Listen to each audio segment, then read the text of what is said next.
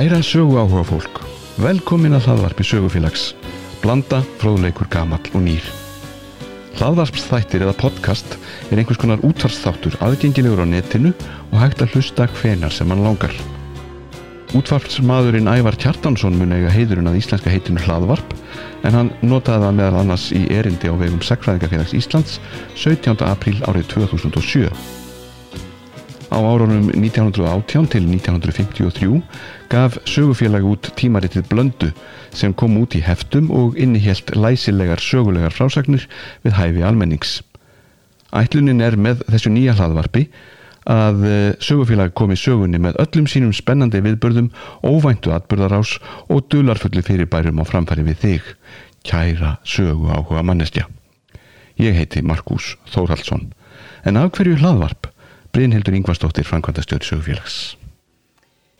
Já, allir það sé ekki vegna þess að við ætlum nú að hérna, reyna að halda áfram þeim, þeirri um, vegferð sem að sögufélag hóf með blöndu 1918 að, að deila efni til uh, almennings á aðgengilegan hátt.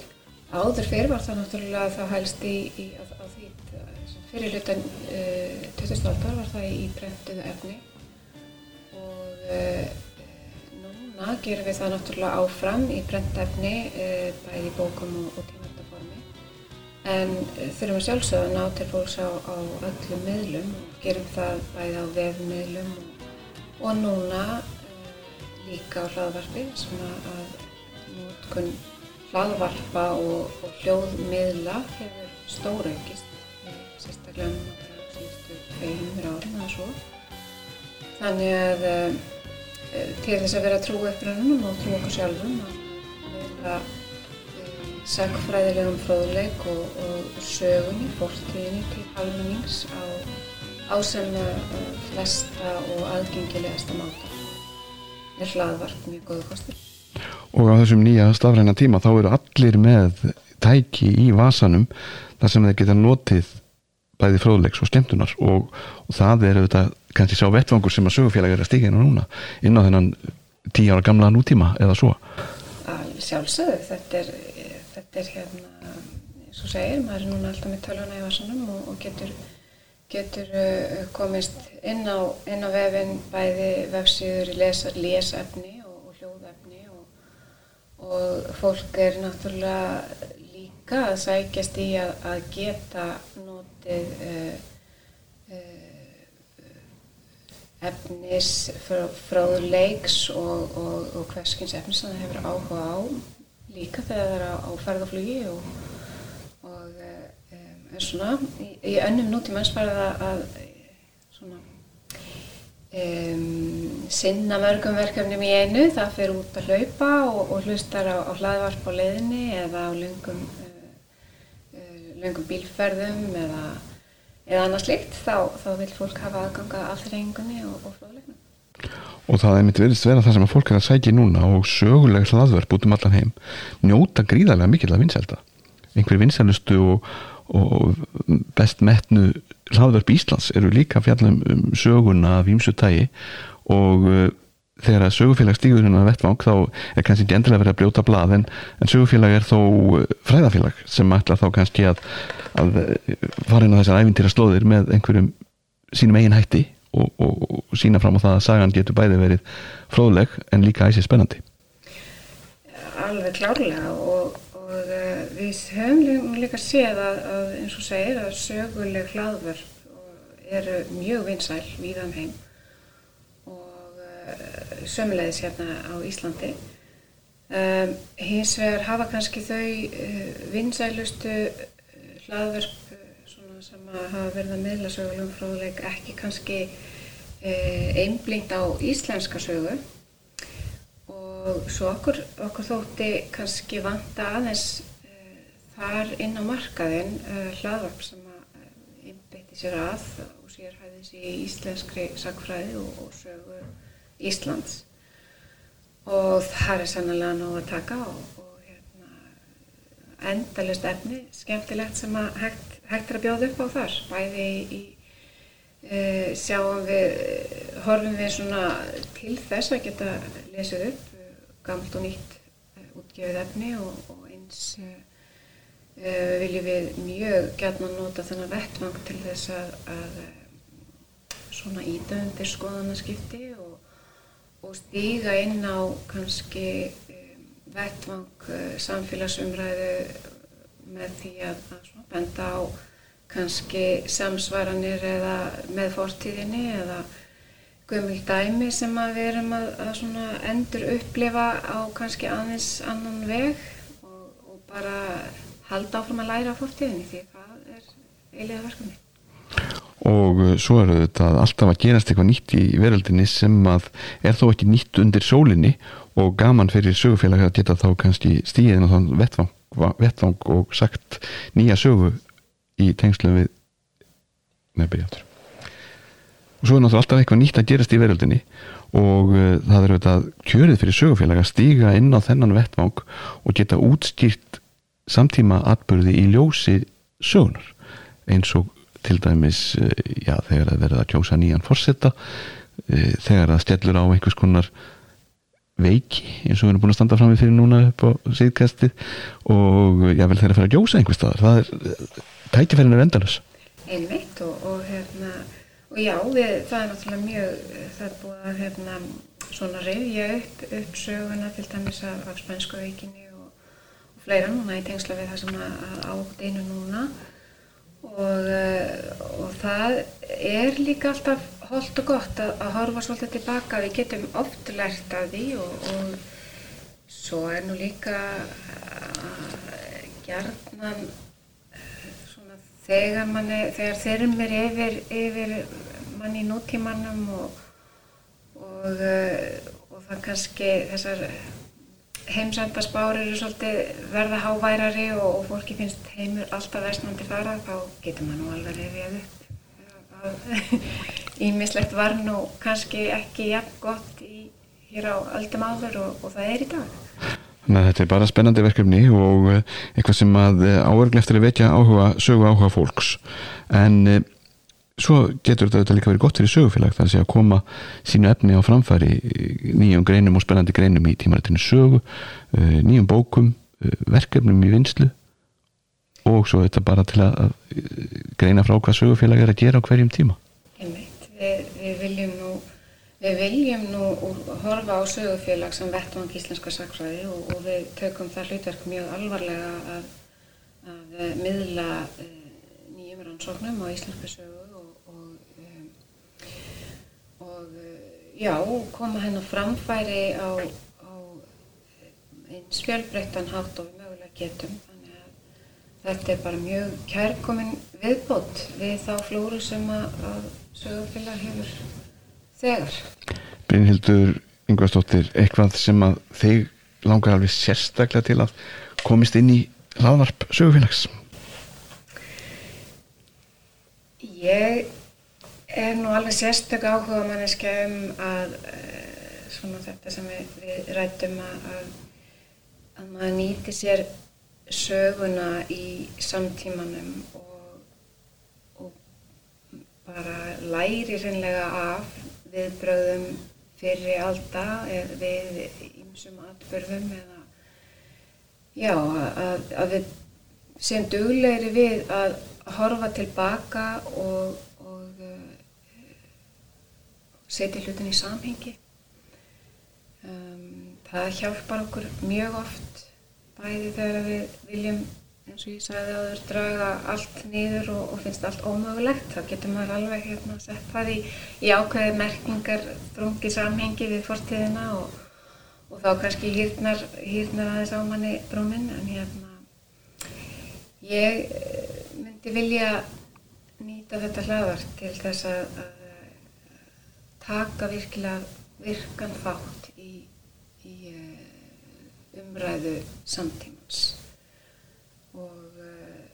svona það væri gaman að geta bara hreinlega uh, tekið tekst á við frettir dagsins í dag og setja svolítið í samhengi eftir því sem að tökur á. Segir Brynhildur Ingvarsdóttir Frankvöldastjóri Sögufélags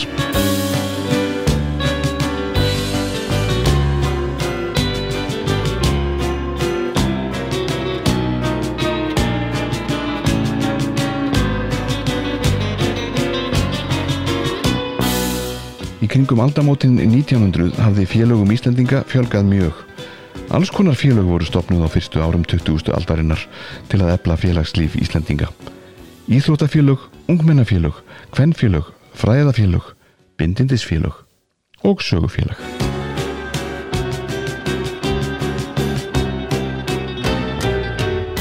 Oss sem hér rítum nöfn voru undir hefur komið til hugar að fara þess að leið til landavora. Engum þá er íslenskri mannfræði og ættfræði unna. Hvort eigi myndi nú tími til komin að gera eitthvað í þá átt að fræði þessi legðust ekki með öllu fyrir óðal eins og allar horfur eru á. Ef ekki er nú þegar hafist handa. Í söpnum voru hún leggja enn óprentuð fjöldamörk handrit sem eru engar þýðingar mikil fyrir sögulandsins og má meðal annars nefna alla annála frá 17. og 18. öll, biskupaæfir, prestaæfir, sínódalgerðir og dómabækur auk lögþingsbókana sem orðnar eru afar fágætar þótt prentaður síðu sumar. Félag er engangu hefði það markmið að gefa út söguleg heimildaritt frá síðaru öldum, gæti öflust þótt í smáum stíl væri fyrst, unnið verulegt gagn, en það teljum verið sjálfsagt að slíkt félag fengi einhvern styrk úr landsjóði, þá er það væri tekið til starfa og reyndist gott og gaglegt.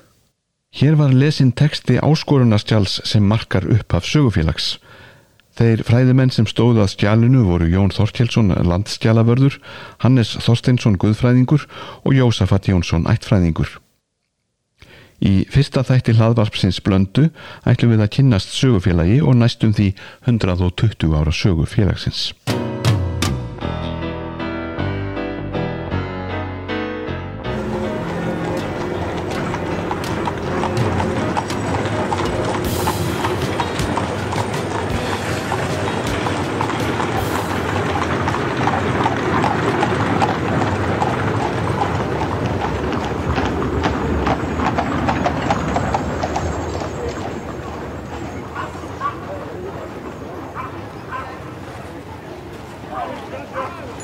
Reykjavík var að taka á sig bæjarblæ og stemdi hraðbyrja því að gegna fóristu hlutverk í landsmálum.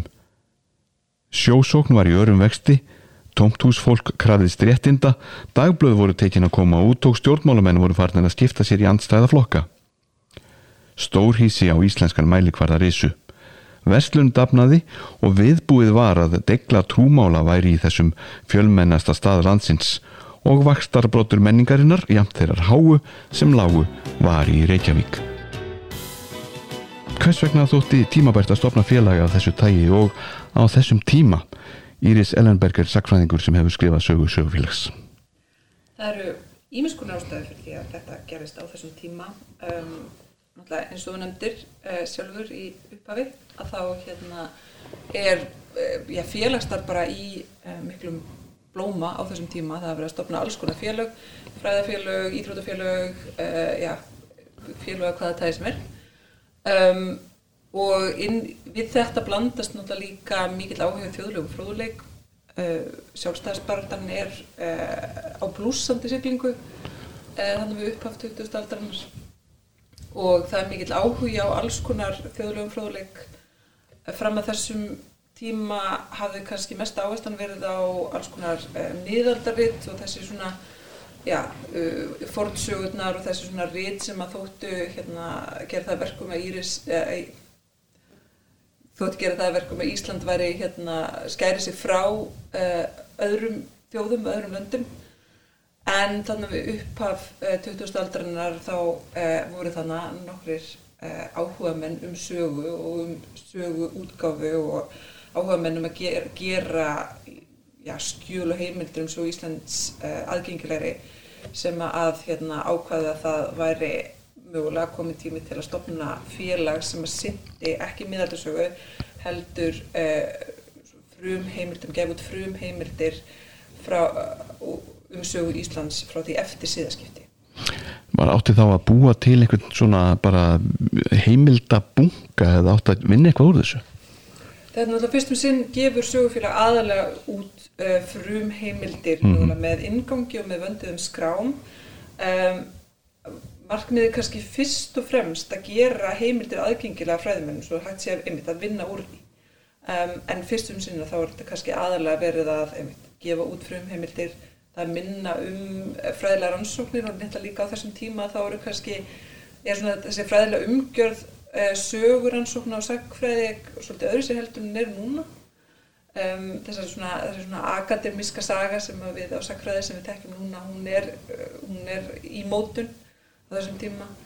Um, þannig að það er kannski aðgengið sem er svona fyrst og fremst uh, vakir fyrir þeim sem er stofnum sögufélag að, og líka vekja áhuga almennings á sögu Íslands og svona halda menningar arfi Íslandinga á lofti. Já, það var svona þessi gamla hugmyndum það að, að það þyrti að við halda menningunni og, og, og rifja hann upp jáfnvel, eitthvað sem var glimt og tínt og, og fólk hafi jáfnvel ekki myndi ekki lengur eftir. Einmitt, og svona, já, kannski útvíka svolítið þessa svona áherslu e, sem að hafði kannski fram að þessu verið aðalega á miðaldir og þannig kemur náttúrulega líka inn í að það eru önnum félug sem eru að sinna miðaldarsögunni vel og heimildum uh, frá þeim tíma uh, þar stærsti náttúrulega í Íslenska bókmyndafélag mm -hmm. sem að hérna, já, bara er mjög stert á þessum tíma uh, og sinnir útgáfu mjög vel. Um, og það er svona, maður sér ákveðin svona ákveðin svona ákveðina viðlætni fyrir fórsprakastjóðufélags að skila sér frá bókmyndafélaginu að segja að við erum að gera eitthvað annað, við erum að gera eitthvað nýtt við erum ekki í samkeppni. Þess að bókmyndafélagi nýtur mikilvæg velvildar á þessum tíma og maður sér það alveg að það er svolítið vefist fyrir fólki uh, ráðaminnum kannski sérstaklega sem að sjá um styrkveitingar á þessum tíma að hérna, hvers vegna það eigi að vera að láta fyrir rekna til sögfélags hvers vegna þurfum við þetta, þetta félag þegar það tegar annað félag sem er að sinna, sinna uh, útgafu á heimildum. Politíkin alltaf sömðið sig sem sagt. Já, það er, það er mikil politík á fyrstu kannski svona tíu árunum í sögu sögufélaga sem hvort sögufélagi eigi að fá penning og ofnverðastyrki uh, hvort að bókmyndafélagi uh, sérst, hvort, hvort þeir eigi að setja einir að, að hérna köllunum og uh, já, ég finnst leiti þeim dúr þetta verður stór politist mál. Sem að margir höfðu skoðun á var það ekki, þetta var ekki bara stjórnmálumennir og þeir sem voru fórustum en þessa félags heldur almenningur, honu var ekki sama heldur eða hvað? Það er kannski svona fyrst og fremst e, þessi svona fórsprakkar og, og stjórnmálumenn sem að mhm. koma, kom, koma að, að þessu. En félagið er sko, að þessum, já, þessum svona pólitísku e, umræðum. En e, félagið það nýtur samt alveg frekar snemma tölurverða vin, vinsalda og það eru ekki ófáur einstaklingar sem að hérna ganga í, fél, í félagið. Og þá kannski sérstaklega þegar þegar félagi byrjar að gefa út hérna blöndu sem þáttur nú nefndir í höfuð á sem svona tímaritt með samansapna alls konar áhugaverðum fróðleik um, frá, frá síðuröldum uh, og já það verður það, það nýtur ákveðinar velbildar ákveðinar hilli í samfélaginu. Já, fólki er ekki alveg sama og En voru, hafðu verið til einhver svona sambarileg félög þar segja sem einbindu sér að, að sögu Íslands eh, annað en bókmyndafélagið? Uh, það var hér íslenska fordreitafélag mm -hmm. og svona ímis, ímis, ímis önnur félag en það var kannski í rauninni ekkert félag sem hafði það beinleins og stefnusgrána að sinna þessum tíma. Nei. Samt sem áður þá náttúrulega eru önnur félag sem að gera það náttúrulega kannski svona beint og óbeint og það er einmitt, eh, ef við komum aftur að bókmyndafélaginu þá séum við að það á fyrsta áritögunum að þetta er mjög svona þetta eru svona tengd félög það er sama fólki sem er vinnur fyrir þessi félög. Eh, Jón Þorkilsson fyrsti eh, fórsöndi sögufélags eh, hann starfaði hjá báðum félögum gaf út hjá báðum félögum. Eh, og það saman að segja Hannes Þorstensson sem að segja kemur eftir honum. Þannig að svona þetta er Ísland er náttúrulega, er lítið núna, það var ennþá minna á þessum tíma, það er ekki mikið af fólki sem er að sinna þessum málum og það er einhvern veginn allir í sömu félagunum svolítið. Þannig að það er líka, já, það er mikil skurun og mikið af fólki að svona fara að starfa hjá mörgum af þessum félagum. En á setni hluta 19. aldar og snemma á 20. aldar það var gríðarlega deigla, það var mikið um að vera og, og svona framfara hugur í Íslandingum, er það ekki, er sögufélag ekki hluta því? Algjörlega, það má algjörlega segja það það, og maður sér það bara á þessum skjölum, þessum hérna, þessari, svona, þessu kvartningabrifi sem var gefið út uh, þegar í aðdraðan stofnununar og svo líka já, bara eftir þessum fyrstu blöggum og í lögum sögufélags, þessum lögum sögufélags að því er ætlað ákveðið svona þjóðurinnslegt hlutverk já. sem að tengist um þessari svona framfara sín og sjálfstæðisbaráttunni sem enn þá var í gangi. Algjörlega. En hjá okkur situr fórseti sögufélags núverandi sem að þetta er í fótspór margra kalla. Er þú ekki fyrsti, svo ég byrja nú aðeins á því, er þú ekki fyrsti hvern fórseti sögufélags? Nei, Anna Agnarsdóttir, hún reið á vaðið Já. sem fórseti hérna fyrir tíu árum síðan. Henni má ekki gleyma. Nú hoppuðu áfram um það byrju 120 ár. Þarna var verið að stopna þetta félag með áskorunarskjali og, og ofbáslega miklum framfara hug og vilja til að gera gríðarlega vel.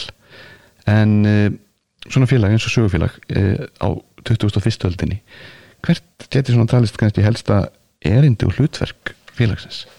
Eh, Það er nú, held ég, má segja margvíslega hlutverk og kannski má líka leita þeirra að, í því að enn verið að gefa út sakfræðilegt efni og sögulegar heimildir. Félagið hefur á þessar 120 ára sögu sinni gefið út nærið 300 bækur fyrir utan tímaritinn sem eru það bæði blanda og tímariti saga. Það er uh, sífelt markaður fyrir þessa segja, bak sínu speilin á sögu þjóðarinnar.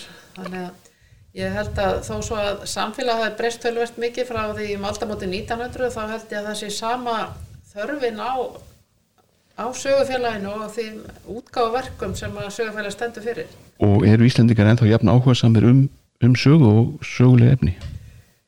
Eh, Já, ég myndi nú segja það og við Ísland kannski sker sér pílitið út til dæmis nákvæmlega landana með það það eru, það er, maður segja þessi meiri svona almennur áhugi á sögulega efni heldur en kannski efni sem er kannski meira tengt fræðimönnum í nákvæmlega landunum tímarætti saga hefur með mörg hundru áskrifundur og, og við viljum náttúrulega sífælt stækka þann hóp en, en það er þó nokkuð stór hópur sem er áskrifandi og, og kaupir bækur sögufélags. En svona með hlutverki að þá var það í upphæðin að gefa út heimildir og miðla sögu til almennings og þessi tvö markmið eru mjög gild ennþá og en hvernig þeim er framfyllt er náttúrulega með ýmsum hætti og, og sögufélagi hefur kannski á síðustu árum verið að,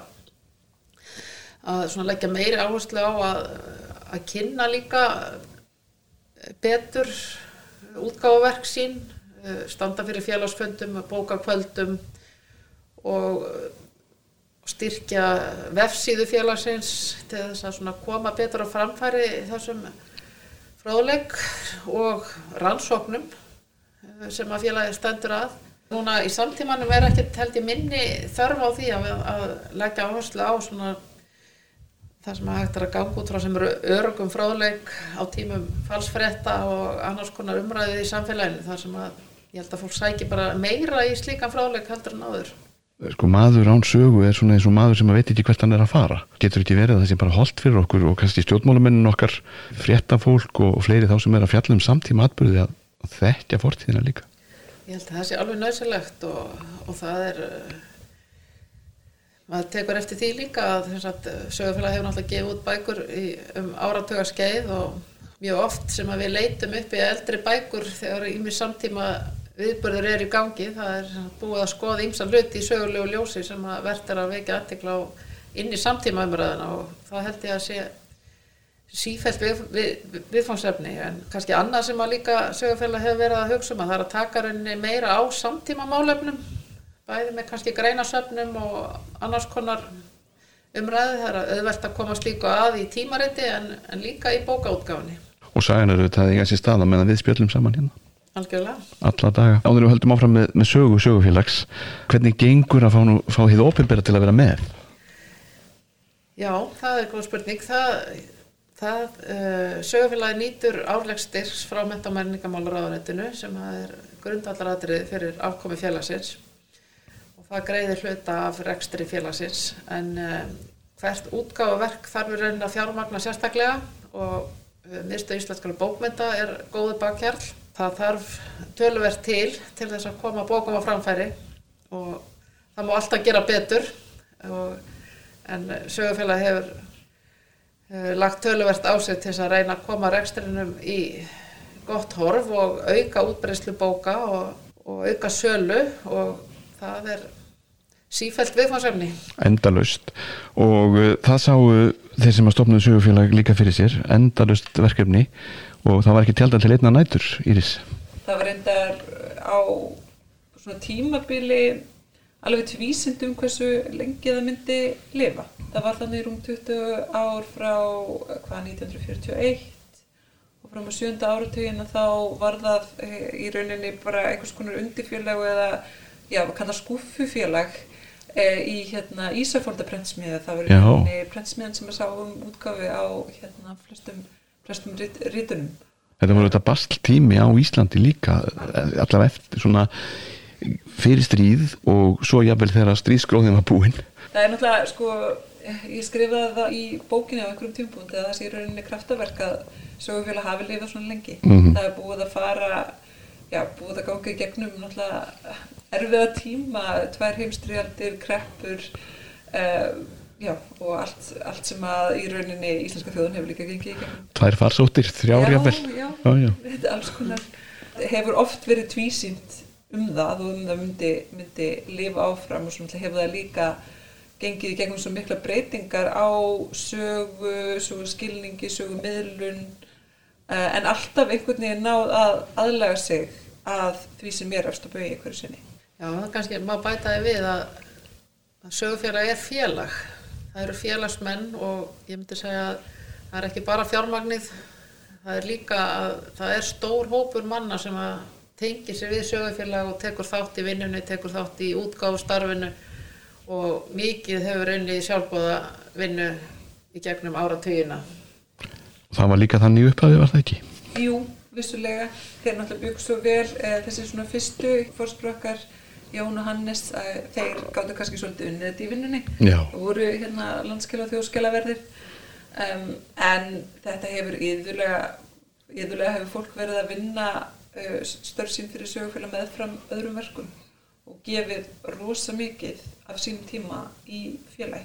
það gekk í gegnum þessa þennan gegnum dimmandal í kannski 20 ár. Hvað hafði verið svona efst á baugi fram að því?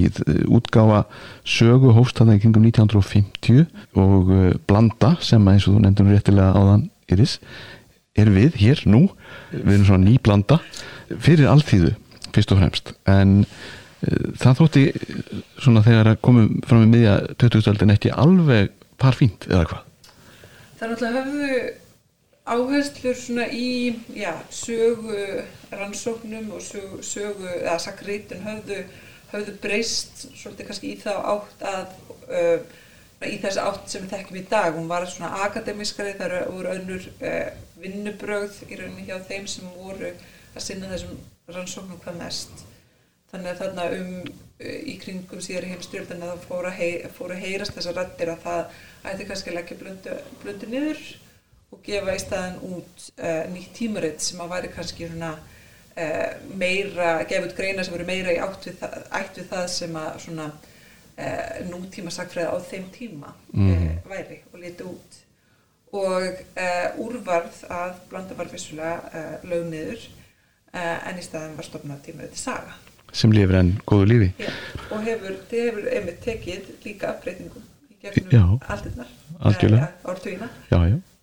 Og, uh, en það kom aldrei til greina að uh, gefa þessi uh, tvö rít út hlið við hlið annað fyrir almenning og hitt fyrir fræða samfélagið Ekki á þeim tíma. Um, en svo var sí, síðar eh, tekið svo ákvörðun að gefa út eh, tímarit sem að fekk nafnið Nýsaga sem átti einmitt að, að, að, að svona, eh, gegna þessu, þessu svona, já, miðlun hlutverki kannski meira til almennings, stýttur greinar, meiri myndir, um, já, þannig að það voru gefur, það var gefið út held ég 13, í 13 ár. já, Þannig að það hafa verið gerð svona gerðar ýmsar til, tilraunir með miðlun til bæði fr- annar fræðimanna til almennings. Og það kemur líka vel fram í þessum 300 bókum sem að gefnar hafa verið út refna, það eru fyrir, fyrir fólk sem hefur áhuga á alls konar sem tengist sögunni. Já, já, og en kannski þessi umræða um sögu, blöndu og nýju sögu endurspegla samt svolítið kannski bæði sögurlegan áhuga þjóðarinnar og þetta kannski sérstöðuna hér á Íslandi í þessari litla samfélagi að það er enn ekki markaður fyrir uh, tvöfall sett af efni. Uh, bæði er áhugi almenningsfreka mikill og síðan er þá bara gerð krafa til fræðimanna þeir skrifi á skiljanlegu máli og seti rannsóknir sína fram á áhugaverðan hátt. Þannig að lengst af og í flestum tilveikum tekst að þjóna báðum þessum hlutverkum. Og ég myndi segja að það væri líka bara mikill kjarni í hugmyndafræði sögufélags að verkin séu mjög vel framreitt, vel skrifuð og náið til víðari hópseldur en einstakara fræðimanna. Og svo hefur sögufélagi þetta fengið uh, hlutverk þar að segja sögufélagi hefur verið beðið um að annast uh, það að gefa út sögur uh, til dæmis stopnanna og, og fyrirtækja jável. Já, já, það hefur gert það og, og svona tekið eins og til dæmis í tengslu við fullveldi Íslands, það voru tvö verk sem hafa voru falin sögufélagi til útgáfu og ritt stjórnar, ritt Gunnars Þós Bjarnarssonar um svona fullveldið árið eða lífið á Íslandi á fullveldis árinu 1918 og síðan fræðilegt greinasarn, margvísleira fræðimanna og fleiri verkefni á þessu tægi. Í haust kemur út uh, reynd um kostningarétt kvenna sem er samið að tilefna því og það er líka styrt af alþingi. Sögufélagin er treyst fyrir stórum og mikilvægum verkefnum og við gerum okkar allra besta til að standa undir því trösti. Ef að sögufélagi væri mannestja, þá myndi það vel eftir árunni 1980. En uh, hvernig var uh, upplítið á sögufélagi uh, á þeim árum, svona þessum árum sem kannski við hlaupum hratt yfir áðan í þess, svona frá kannski þegar, frá því að blanda byrjir að koma út og fram til síðar heimstýraldar. Hvernig var starfseminn? Um, það var uh, allavega á tímabili mikil uppsveifla í þessari starfsemi. Alltaf blanda kemur í rauninu svolítið til björgar eð, í þessum svona þrengingum sem er þarna uh, frá hvað, loka árum annars áratugurins og fram eftir. Um, vekur, vekur aðteglu verður vinsælt um, þannig að fólk uh, sérst, kaupir það að gengur til þess við fjölaði í rauninni þannig virkaði það að þú uh, keiftir ekkert, fórst ekkert bara út í búðu og keiftir bækurnar heldur þurftur að gerast félagi í, í félaginu. Eða í upphafi þriði áratugurins er að félagi gefur út uh, ljóspröntar af þjóðsjöfum Jóns Árnarssonar sem hefur verið gefnar út uh, í Þískalandi um miðja 19. öld. Og það verður verða mjög vinsaldreitt og uh, gera það verkum það eru, það eru hundruðir manna sem er gangið til þess við sjófélag og fleitir félaginu áfram í gegnum þessar harðindi tíma sem að leik mjög marga eh, grátt, eh, mörg félag og mörg tilfelli sögufélags að þá tókst þeim að komast bara nokkuð vel frá þeim hremmingum.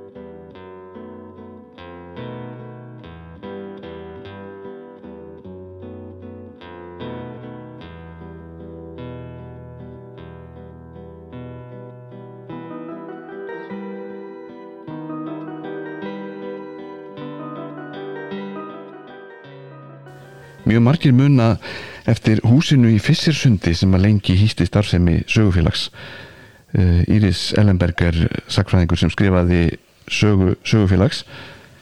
Hvernig kom það til að sögufélag eignaðist þetta hús eftir nokkur ára, eða ég vil ára tuga, eðimerkugöngu?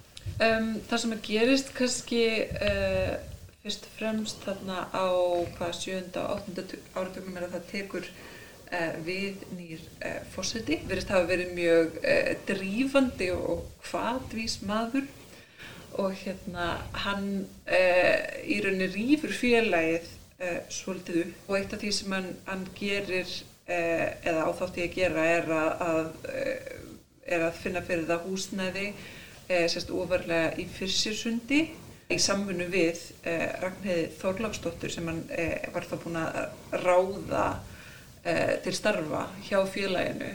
Þá eru stjórn líka Helgi Þorláksson og sérst, bróðiragnar og eh, þau tvö eru mik miklir áhuga menn um húsavöndun. Þá stendur til að í rauninni eh, já, taka grjótaþorpið eða stórun hluta grjótaþorpinu undir bílastæði og eh, svona í gegnum eh, Ragnheiði og Helga að þá verður sögufélag að já, svona ákveðnum svona fórkolvi í húsavend eða tekum mjög virka þátt í húsavend í grjótaþorpinu sem er mjög áhugaverð og, og, og skemm, skemmtileg saga. Uh, og hluti af því er að fá húsnæði fyrir félagið. Fyrst uh, ofarlega í fyrsisundi þannig kjallara. Þar sem að hérna, það, það er ploss fyrir uh, skrifstofu og litla bókaverslun að sögufélag fyrir að selja sínar eigin bækur uh, í sínu, sínu, sínu eigin húsnæði og líka taka til sölu uh, bækur frá, frá öðrum um, og síðan uh, setna meir að þá fær sögufélag tækifæri til þess að kaupa sitt eigið húsnæði fyrstusundi þrjú að það sem það var til húsa í lang, langan tíma og það er kannski þar sem að fólk man eftir. Margir muna eftir einmitt merki sögufélags uh, í fysirsundinu og uh, einhverjir áttu nú þannig að leið fram hjá úr slarki miðborgarinnar og sáu hertan Þorsk og, og fengur kannski einhverju hugmyndir um það að þeir hefðu gengið aftur í tíman en uh, sögufélagið mitt var svolítið hluti af fortíðinni og á sama tíma mikill hluti af samtímanum refna Róbestóttir núverandi fórseti en kannski áður en lengur haldið þetta merki þessi flatti þorskur, hann var nú lengi einkennismerki Íslands í rauninni Jújú, jú. í sem sagt uh, merki, skjaldamerki konungs þá var táknar flatti þorskurinn Ísland það er Ísbjörnin sem að táknar Grænland og, og kindir sem táknar Færajar því að konungur Danmörkur ég hefur mörgum löndum og hérna Danmörk og Noregi og ymsum þýskum herta og dæmum Muniði nokkuð rökin og bakvið það að nota þennan þetta gamla merki sem merki sögufélags. Það, það mátt velja ímislegt annað en þetta er kunnulegt og, og svo var þetta Jörundur, hundardagakonungur hann notaði þrjá. Þannig að þetta er, þetta er merki sem hefur fyllt okkur lengi og, og nú er það auðvitað bara útgerða fyrirtækin og sögufélag sem, sem að gera út á flattan þorsk. Það var alveg haldinsku samkjöfni um merkið, það var kallað eftir, eftir tilugum og það er til í skjálasafni sögufélags á þjóðskjálasafninu þá er til, eru til alls konar teikningar og alls konar tillögur sem að fólk sendi inn. Um, en þetta merki uh, var fyrir valinu og, og lögð mikil hérna mikil, uh, mikil vinna í að tryggja það að þetta liti nú réttu út og, og skurðurinn væri réttur og hérna já, farið inn nákvæmar sakfræðilega rannsóknir af því hvernig hvernig þessi, þetta ætti nú allt saman lítið út.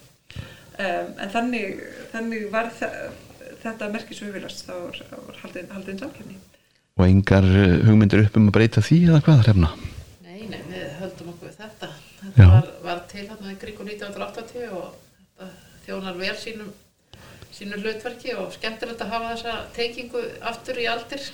Og nú er þetta búið að teikna þetta merki upp á nýtt sá ég og, og, og gera það aðeins pínlítið svona hreitna og nútímalega og búið að setja ákveðna reglur um hvernig megin nota það. Þannig að sögufélagi er, er að halda fast í virðingu sína. Já, já, það er sett inn í hvernig má nota það í hinnum ímsa samhengi eða lítið og stórt og svo framveg svona eins og kannski gert er almennt með merki en tryggja þetta sé eins. Þetta er alveg skjaldanmerki en það er þóskurinn á stildi Já, já Algjörlega. Á árunum eftir 1980 þá var mikil gróska í bæði í starfi sögufélags allt í einu lifnaða ressilega við aftur og sumuleiði sagfræðir ansóknir á Íslandi eða hvað Íris? Jú, það er talsu gróska á þessum tíma þjóðin er að stælka uh, og það er uh, meiri í rauninni kraftur í þar fyrir sem að fara í háskólan á háskólan á mér að opnast fyrir miklu fleirum heldur en bara einhverju, einhverju einhverju elitu eh, þannig að það er, það er meira fólk sem að leggur stund á sakfræði heldur en það hefur verið áður. Uh, og það fólk sem kemur uh, já, stert inn í bæði fræði rannsóknir, greinaskrif, bókaskrif og inn í, inn í sögufélag. Það er að verða ákveðin svona ákveðin breytinga líka á hérna sögurannsóknum svona í svona áttil þessara svona akademísku rannsóknuna sem eru í dag um, og sagfræði nefnmar fara að gera þessi líka mjög gildandi uh, í miðlun sögu. Og sagnir tímaritt sagfræði nefna uh, er, er stofnað þannig af nokkrum mjög áhugaðsum og drífandi sagfræði nefnum sem er síðan hefur áhrif á sögufélag, ný saga er í rauninni sprottin upp úr þessari hugmynd sakfræði nefnana að gera uh, svona aðgengilegt og áhugavert tímarætt með stuttum greinum, miklu myndum sem höfðar til, til almennings. Um, þannig að er alls konar gróska í gangi á þessum tíma. Mikið líf og fjör. Já. og mikið líf og fjör í húsinu sem ég heldur náttúrulega að nefna það. Og þangað komu sakfræði nefnar jáfnvel á leiðin í skólan og, og fundu sér eitthvað lesefni og tóku það með sér og, og, og köfuði í söguna. Og uh, áfram vatt þessu öllu saman uh, og, og sögufélag var svona æg ríkari hluti af hennu hverstagslega lífi Íslendinga Íslendingar þekkja allir orðið sögufélag og, og, og áhrif þess. En uh, á undanfæðan 25 árum hefur heiminum breyst mjög gríðarlega. Það er miklu auðveldar að ná sér í upplýsingar uh, ef það er til þá er það einhver staðar á netinu. Og uh, á sama tíma er líka verið að gefa út heilmikið af flottum bókum. Hvernig er þessi samtfinnun Hrefna? Um, ég vildi segja að svona uh, sögufélag hefur nú leitast við það að, að gefa út fleiri bækur á síðustu árum. Uh, það hefur svona fjölgað titlum, árlegum titlum og líka fjölbreytni efni og sem er kannski líka eins og í tímarættinu sögu. Þetta er svona allega tímaritt sem að tekur á öllum sviðum sakfræðinar sögunar og uh, öllum tímabilum. En jafnframt er verið að koma inn með þætti í tímarætti svona eins og svona sem að tengja samtímamálum. Spurningar eða álítamál sem að tengjast kannski því sem er eftir að bauði í samfélaginu og það tel ég að sé mjög mikilvægt og það getur leitt af sér aðra rannsóknir og svo framvegis. Tími kannski þess að reka bókabúð er ekki kannski hann er liðin Já, fyrir svona lítið félag eins og sögufélag sem að starfar með lámast tilkostnaði en þá kemur vefurinn í staðinn. En þá kemur vefurinn í staðinn og við höfum verið að leggja svolítið áherslu á það núna á þessu ári og síðasta og vonandi enn meira á næsta ári að byggja upp vefsíðu sögufélags í kringum þessu útgáfuverk sem hefur verið gefin út í gegnum öll þessi ár. Og kynna þau, koma þeim á framfæri það er auðvitað hluta þessu líka alltaf að vera sínilegur en e, Íris Hrefna nefndi nú falsfréttinnar sem nú var valið á, orða ársins held ég fyrir tveimur eða þreimur árum. Er það hlutverk sakfræðinga og þá kannski sögufélags að e, leiðrétta kannski einhverja ránkvæslur sem að koma fram í fréttaflutningi eða, eða jafnvel í orðum opinbera starfsmanna, stjórnmálamanna jafnvel annara sem eru ekki endilega kjörnir fulltrúar sakfræðingar hafa nú verið að sinna þessu, þessu svolítið. Um, já, svona minnast, minnast þess er hérna, eh, sakfræðingafélagið eh, gaf einhver tíman út álitum ímyndarskísluna allræmdu eh, sem var, gefin út skömmu, skömmu fyrir hrun. Þannig að, jú og sjálfsögðu er það, er það hlutverk sakfræðinga uh, í sögufélagi sem annar staðar að uh, já, koma á framfæri uh, vönduðum rannsóknum uh, sem að byggja á tröst, tröstum grunni. Og ég held að sögufélag hafi svona undanfjörnum árum sínt það bara mjög vel hvernig hægt er að gefa út hvert gullmúlan og fætur öðrum af virkilega vönduðum bókum. Og svo ég tala nú ekki um sögu tímaritið sem að er núna í miklum, bara í miklum blóma og er einmitt alltaf að takast meira og meira á við það sem er efstabögi í uh, samtímanum hverju sinni og svona oft mjög svona krefjandi og undild uh, málumni. Já, helst er að minnast jafnvel eh, sögu að koma út greinasafnum um eh, svona sögu samkynneðra og svo þetta fræg, þessi fræga bókum sem heitir Stund klámsins þannig að sakfræðingum er greinlega ekkert lengur óviðkomandi, þetta er ekki lengur bara sögur konunga og drottninga og fórsættisráður og fórsetta heldur, heldur allra hinna líka. Alls ekki, náttúrulega það er náttúrulega komið alltaf nýjar áherslur og ný, nýtt, nýtt sjónarhort sem hættir einhvern veginn að beita á, á söguna og það er, það er ekki eins og þetta sé eitthvað viðfóngsefni sem að verða einhvern tíma, einhvern tíma búið. Og það, það er líka það sem að hérna, sögufélag hefur verið að gera á síðustu, síðustu árum er um, að taka viðfóngsefni eins og til dæmis uh, hins einn sögu og sögu, sögu kynverundar uh, eins og stund klámsins er og, og, hérna, og greinasafni góða svo veistu þú varst ekki hér og svona, já, þetta er svona eh, bækur sem að myndu kannski ekki seljast vel eða mikið ef að, ef að lögumál markaðarins myndu ráða því hvað verður gefið út. Að þá er þetta kannski ekki bækur sem væru gefnar út. En þetta eru rít sem að eiga tvímanlust erindi og eru e, brautriðandi verk að mörgu leiti og eiga, og einhvern veginn eiga algjörlega hérna, verðskulda algjörlega að þessu, þessu gefnur út og, og skipta miklu máli.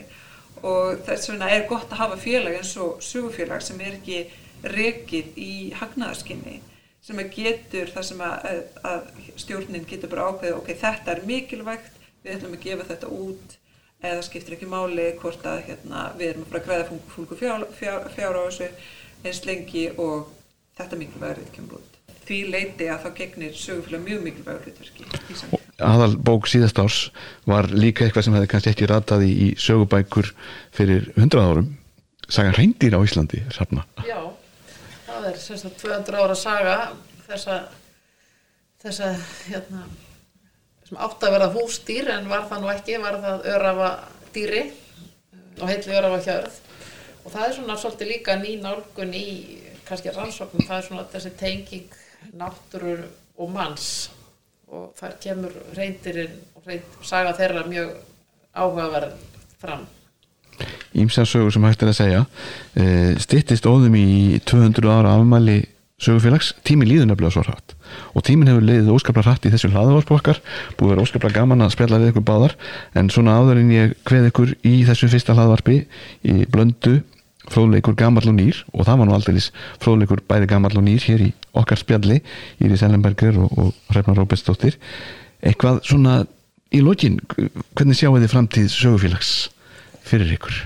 Ég sé það bara sem bara mjög bjarta framtíð upplugt starf sem að framöndan það er, það er mjög skemmtilegt að geta bæði verið að með þetta aðal tímaritt sakfræðinga sem er gríðarlega mikilvægt fyrir rannsóknir á sögu Íslands, þetta er helsta tímariti þar, það er einni uh, umfjöllin um bækur, það er lítið um rittdóma eða umfjöllin um rannsóknir annar staðar og þannig að það er mjög mikilvægur og vinsælt þáttur. En ekki síst að geta kannski stöðlað aðsvaldið breyðum, útgáfa breyðum rannsóknum. Eða breyðu sviði á breyðu sviði rannsókna. Og það var bara eftir að bætast við, þetta er bara spurning um hugmyndaflug. Já, já, já.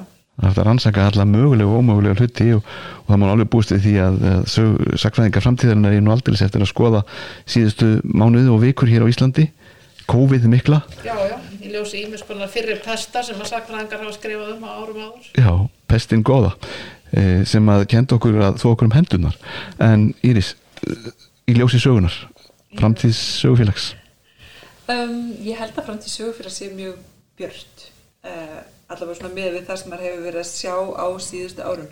Maður sér að félagi er alltaf að verða sterkara og sterkara í útgáfu fallegra, vandaðra fræðilegra bóka og er komið með bara verulega gott orðspor eh, sem bókaútgefandi fræð, eh, útgefandi fræðibóka eh, og svo náttúrulega gefur það út þetta eh, stórkostlega ritt eh, saga sem er í hérna hæsta gæðaflokki rýndra fræðilegra tímarita í hugvisundum á Íslandi og í rauninni ótrúlegt, ótrúlegt að e, já, félag, félagsfélagsamtök sé að gefa, gefa þetta, þetta út. Þannig ég held að sögufélag muni e, gera ekkert annað en að eflast að gæðum og vonandi umfangi líka útgáðan á næsta völd. Og að þjólsögðu bætist núna við hlaðvarp sögufélags blanda, fróðleikur, gammal og nýr þar sem að á að eh, flytja áheyrilegar sögulegar frásagnir við hæfi almennings rétt eins og gert var fyrir rúmum 100 árum á vegum sögufélags en ég þakka ykkur báðum fyrir komuna í þennan fyrsta þátt hlaðvarpsins og óskilku góð stund í sjöllu sem þið tækja ykkur fyrir hendur og muniði, við meðum ekki gleyma hver við erum því þá veitum við ekkert hvert við erum að fara kæra takk fyrir komuna Viðmælendur þessa fyrsta þáttar blöndu voru Brynhildur Ingvarsdóttir, framkvæmtastjóri sögufélags, Hrefna Róbertsdóttir, fórseti félagsins og Íris Ellenberger, höfundur sögur sögufélags. Næsta hlaðvarp mun fjalla um áhugavert sögulegt efni. Býðið spennt. Ég heiti Markus Þórhaldsson.